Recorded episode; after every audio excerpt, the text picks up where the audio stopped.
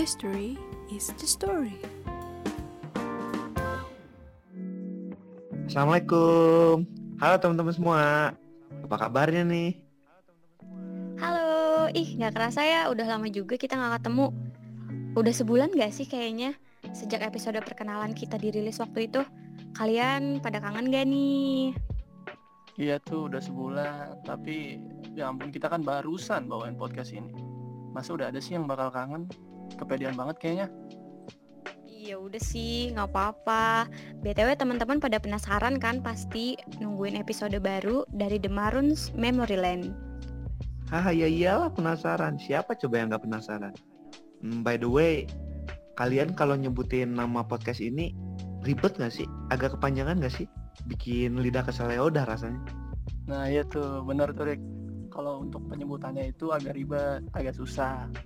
The Maron lah, The Plan lah. Hmm, oke deh. Kalau gitu, buat memudahkan teman-teman semua sebutin nama acara kita. Jadi gimana kalau kita bikin aja deh singkatannya dari The Maroons Memory Lane jadi Temolen. Kita ulang lagi ya. Dari The Maroons Memory Lane jadi Temolen. Gimana? Mantap gak? Ih sekut itu. Singkat, padat, jelas. Biar nggak ribet. Oke, jadi kita ulangin lagi nih ya untuk nyambut para pendengar kita. Selamat datang teman-teman semua di Temolen. Yeay. Asik tepuk tangan, tepuk tangan. Sebelum kita lanjut bahas tema buat kali ini, gimana kalau kita kenalan diri dulu deh, biar enak. Sebenarnya kita masih sama sih sama yang episode perkenalan kemarin, tapi nggak apa-apa deh, kenalan lagi aja. Kita mulai dari aku dulu ya. Kenalin, nama aku Lita dan alhamdulillah banget nih. Sekarang aku dipercaya lagi buat bawain podcast di episode kedua. Kalau aku Erik, aku juga masih sama kok kayak Lita yang bawain episode sebelumnya. Salam kenal ya semuanya. Nah, kalau aku Fikar, kenalin ya guys. Aku juga yang kemarin ngisi di episode pilot bareng Lita sama Eri. Nah, kita kan udah kenalan semua nih. Katanya kemarin ada yang bilang kalau episode kali ini mau bahas hal-hal yang berbau mistik. Hmm, menurut aku pribadi sih, ini auranya mulai kerasa ya. Tapi nggak serem-serem amat kok. Kayaknya announcer kemarin aja yang takutan. Hahaha. ya nggak sih? Iya dari kalau ke- menurut aku juga sebenarnya emang gak serem-serem banget. Tapi emangnya kita mau ngomongin apa sih? Hmm, tapi sebenarnya tema kali ini emang bisa dibilang serem juga sih karena kita bakal bahas sesuatu yang berbau-bau mistis gitu. Tapi menariknya, tema ini nggak jauh-jauh dari kehidupan kita sehari-hari loh. Hmm, jadi apa ayo yang mistis tapi ada di sekitar kalian. Kalau kayak gini jadi serem deh jatuhnya. Kamu aja kali yang penakut, Rick. Ini gak serem-serem amat kok. Jadi, kita bakal ngebahas tentang bagaimana pengaruh mitos terhadap masyarakat di Indonesia, terutama masyarakat Jawa pada masa kolonial. Jadi mitos yang gimana nih? Kayak pemali dan temen-temennya gitu. Hmm, sebenarnya nggak ke situ sih. Tapi BTW ada hubungannya loh. Misalnya gini ya.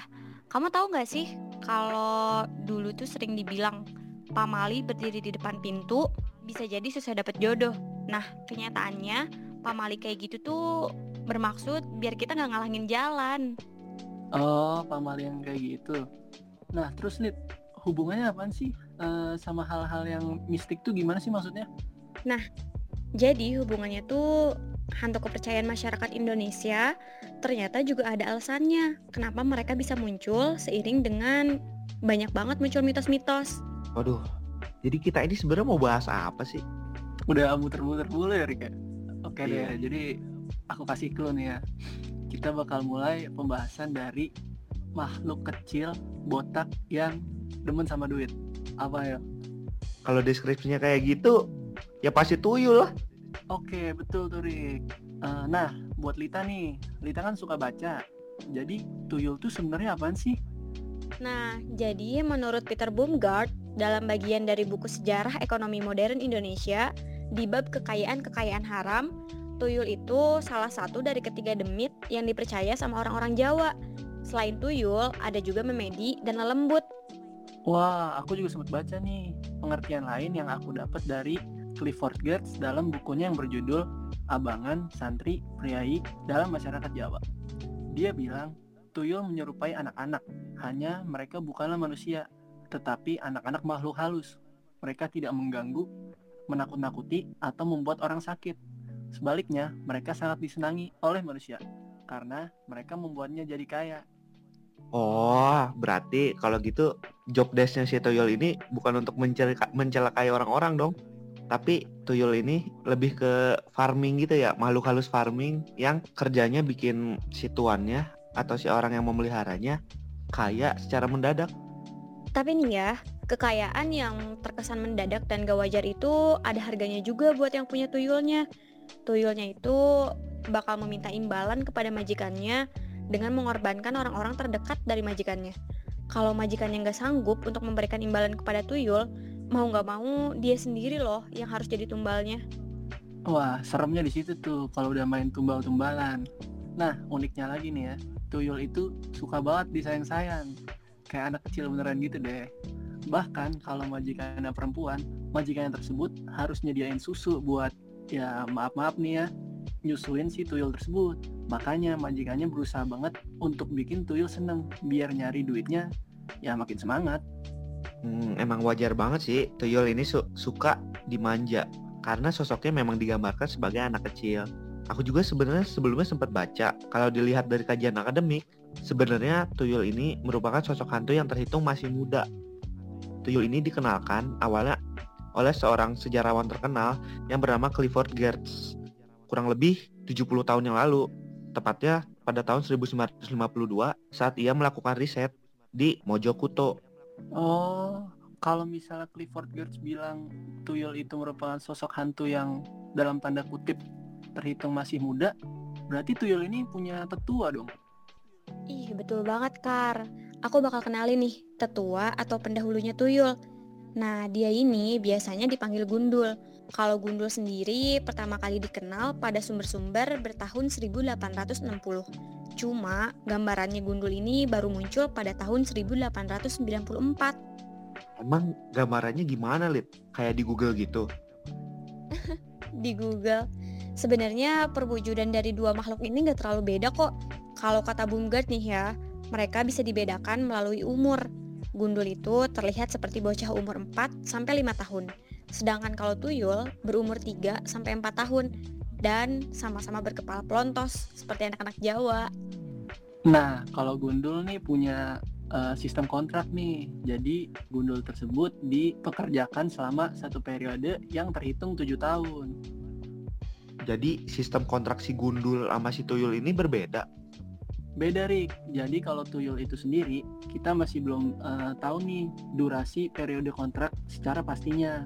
Tapi kalau kata Bunggar, majikan tuyul itu bisa menderita seumur hidupnya karena memelihara tuyul tersebut.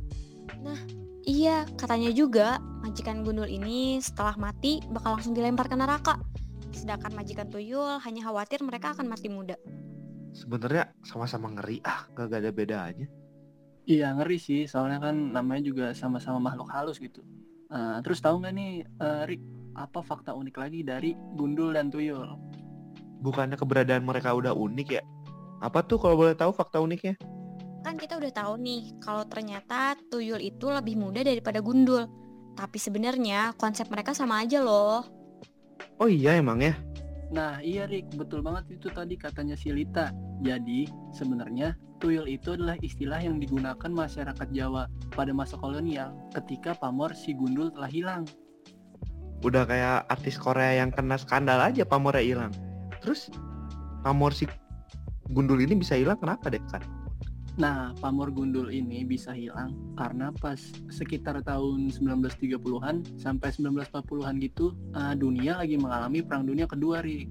Terus karena perekonomian dunia sedang jatuh, terjadilah the Great Depression atau depresi besar. Nah, karena itulah sektor kapitalis di Hindia Belanda juga ikut hilang gitu. Nah, jadi konsep dalam tanda kutip kayak mendadak di Jawa semakin lama semakin memudar. Akhirnya cerita gundul juga lenyap karena orang-orang makin lama makin tidak ada yang menjadi kayak mendadak gitu. Oh gitu full story-nya kan. Nah, aku mau nambahin juga nih, setelah Perang Dunia II dan ekonomi semakin stabil, orang-orang tuh mulai menemukan jalan untuk mendapatkan kekayaan secara mendadak lagi. Nah, hal tersebutlah yang kembali memunculkan tuyul. Wah, kece juga ini si Gundul sama si Tuyul. Eksistensinya ada karena relasi sosial masyarakat yang juga dipengaruhi oleh iklim politik internasional. Nah, iya dong. Keren kan anak sejarah ngebahasnya topik-topik yang beginian? Hmm, ternyata sejarah bisa bahas apa pun ya.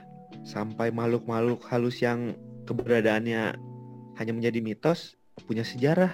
Bahkan hal itu bergesekan sama perekonomian dunia. Aku juga sedikit demi sedikit mulai mengerti deh perihal mitos-mitos gini. Sebenarnya mitos-mitos gini tuh ada kaitannya sama hal-hal yang realistis. Eh, tunggu tunggu. Jadi maksudnya mitos-mitos ada kaitan dengan hal-hal yang realistis tuh gimana, Rik? Jadi gini Kar, ternyata dalam kajian sejarah semua hal itu pasti memiliki hukum yang namanya hukum kausalitas. Semua peristiwa memang terkadang berulang, walaupun hanya polanya. Namun, seluruh peristiwa itu pasti ada sebab dan akibatnya. Sejarah bisa dibilang sebagai untayan garis waktu yang lurus, di mana tanpa ada sesuatu, maka sesuatu itu tidak akan pernah terjadi. Widih si Erik baru aja berdiskusi bentar udah jadi kayak filsuf kontemporer gini. Balik lagi nih ke poin awal yang udah aku jelasin. Sama kayak konsep pamali berdiri di depan pintu, kemunculan mitos-mitos pun ada sebabnya. Keduanya merupakan respon sekelompok manusia yang menjadikan hal mistis sebagai penjelas atas suatu peristiwa yang tidak bisa mereka jelaskan secara logis atau bahkan secara ilmiah. Nah, iya lihat. Jadi ada contoh lain juga nih. Uh, kita bisa lihat pocong yang jadi ciri khas makhluk halus di masyarakat Indonesia. Kemunculan pocong itu pasti ada penyebabnya kan? Nah, secara logika juga nih, kalau agama Islam nggak masuk ke Nusantara, maka nggak akan ada yang namanya hantu pocong. Karena yang paling mencolok dari ya packagingnya pocong tersebut adalah kain kafan. Dan kain kafan hanya terdapat dalam agama Islam.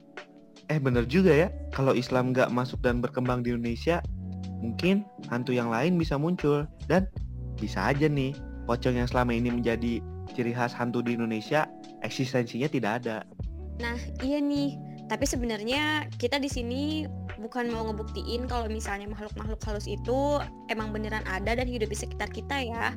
Namun kita di sini mau nunjukin kalau misalnya makhluk-makhluk halus itu emang nyata dalam mentalitas ekonomi masyarakat Jawa sejak masa kolonial. Percakapan kali ini emang menarik banget nih buat kita kaji dan sharing ke teman-teman pendengar semua. Soalnya kan gak banyak nih sejarawan maupun cendikiawan yang tertarik untuk ngebahas topik makhluk halus serta mitos-mitos seperti ini. Kami harap juga para pendengar bisa untuk mengambil sisi positifnya dan buang jauh-jauh sisi negatifnya. Jangan malah jadi mau melihara tuyul. Erik tuh biasanya. Nah, BTW buat bulan depan ada spoiler lagi gak sih? Biar pendengar pada penasaran dan nungguin podcast kita. Emang bulan depan bulan apa sih? Bulan Agustus nggak sih bulan depan? Nah iya Lid, bulan depan itu bulan Agustus. Nah para pendengar juga pasti tahu kan kalau bulan Agustus itu menjadi bulan yang spesial lah buat kita semua sebagai uh, warga Indonesia. Karena tepatnya pada tanggal 17 Agustus kita merdeka kan. Nah, kalau mengingat perjuangan para pahlawan waktu mau memerdekakan negara ini, uh, rasanya jadi tumbuh rasa patriotik gitu deh. Ayo teman-teman semua, bisa ditebak apa topik selanjutnya yang bakal kami bahas. Nah, tungguin aja ya guys. Yang jelas, kita nggak bakal ngebahas tentang kemerdekaan Indonesia. Hmm, si Fikar udah mancing-mancing nih. Jadi penasaran. Sebenarnya mau bahas apa sih? Nah, untuk episode selanjutnya nih, Rick, kita nggak mau spoiler dulu, biar para pendengarnya pada penasaran, Rick. Uh, nah, kayaknya pembahasan kita kali ini udah lumayan banyak gak sih? Dan pasti teman-teman juga udah makin nambah ilmunya. Iya nulit, betul banget tuh. Gara-gara podcast ini ya, pengetahuan aku tentang gundul dan tuyul semakin bertambah. Yang asalnya cuman tahu gundul dan tuyul dari sinetron tuyul dan bayul aja dulu. Nah, keren banget tuh kalau misalnya episode ini bisa nambah sedikit wawasannya Erik. Um, untuk topik gundul dan tuyul ini hanya istilahnya salah satu lah dari sekian banyak topik menarik lainnya yang nantinya akan kita bahas. Em, jadi teman-teman semua tetap harus dengerin ya podcast kita. Ih, jadi nggak sabar deh. Pengen bahas topik-topik menarik lain. Oke, makasih ya teman-teman semua untuk dengerin podcast episode kali ini. Aku harapin materi dan wawasan dari podcast episode kali ini bisa bermanfaat untuk teman-teman semua. Dan yang paling penting dan wajib teman-teman lakuin adalah denger episode selanjutnya, oke? Pasti ada topik menarik dan tentunya penuh wawasan dong. Aku Erik. Aku Fikar. Dan aku Lita, sampai jumpa di episode selanjutnya ya. Dadah. Dadah. Ah.